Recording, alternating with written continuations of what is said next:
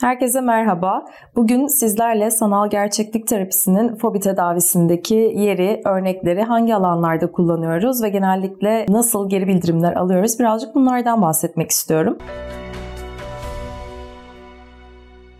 Fobi biliyorsunuz birçok çeşitli durum ya da nesneye karşı olabiliyor. Uçuş fobisi olabiliyor, bir hayvan fobisi olabiliyor, kedi, köpek, yılan herhangi bir hayvana karşı ya da topluluk önünde konuşmaya ya da bir performans anksiyetesi gibi yaşadığımız diyelim sunum fobisi, iğne fobisi gibi birçok alanda karşılaştığımız durumlardır aslında. Özellikle seansta bilişsel davranışçı terapi dediğimiz terapi yöntemiyle, tekniğiyle beraber oldukça güzel sonuçlar alırız. Ancak bazı durumlar vardır ki fobi tedavisinde yani bu bilişsel davranışçı terapinin getirdiği kademeli maruz bırakmayla beraber aslında bir terapi süreci yürütülür danışanla beraber. Fakat bazı durumlarda korkulunan durum ya da nesneyi terapi odasına getirmekte zorlanıyorduk. Örneğin bir uçuş fobisi çalışacağımız zaman ya da bir hayvan fobisi üzerine çalışacağımız zaman artık danışanımızın hazır oluşuyla beraber yavaş yavaş davranışçı ödevler dediğimiz maruz bırakmaya geçiyor olmamız gerekiyor.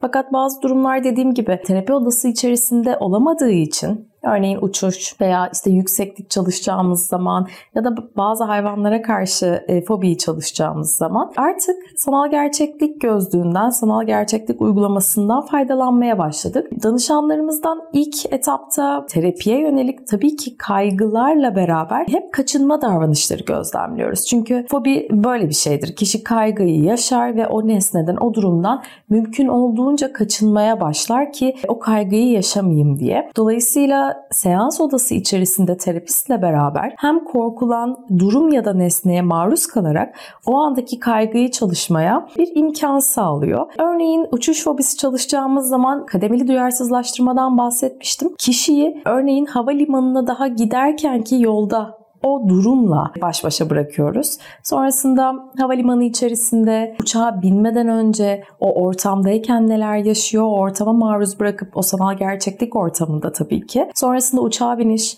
uçağın aprondaki hareketi, kalkışa hazırlık, o esnadaki anonslar, akabinde kalkış, sonrasındaki uçuş hali ve iniş gibi kademeli olarak terapist kontrolünde hiyerarşik olarak kişiyi maruz bırakıyoruz. Örneğin tribülans seçeneğini seçip veya işte o günkü uçuş esnasındaki hava durumu yağmurlu mu olsun, açık mı olsun, karanlık bir hava mı olsun gibi bütün değişkenleri aslında kontrol edebildiğimiz bir ortam yaratıyoruz fobi duyulan duruma karşı. Yine aynı şekilde hayvan fobilerinde de öyle. Köpek mesela onun yakınlığı, tasmalı mı tasmasız mı, sahipli mi sahipsiz mi, köpeğin cinsi gibi yavaş yavaş kademeli maruz bırakmalarla aslında kişinin fobi tedavisinde sanal gerçeklikten büyük destek alıyoruz. Herkese sağlıklı günler diliyorum. Teşekkür ederim.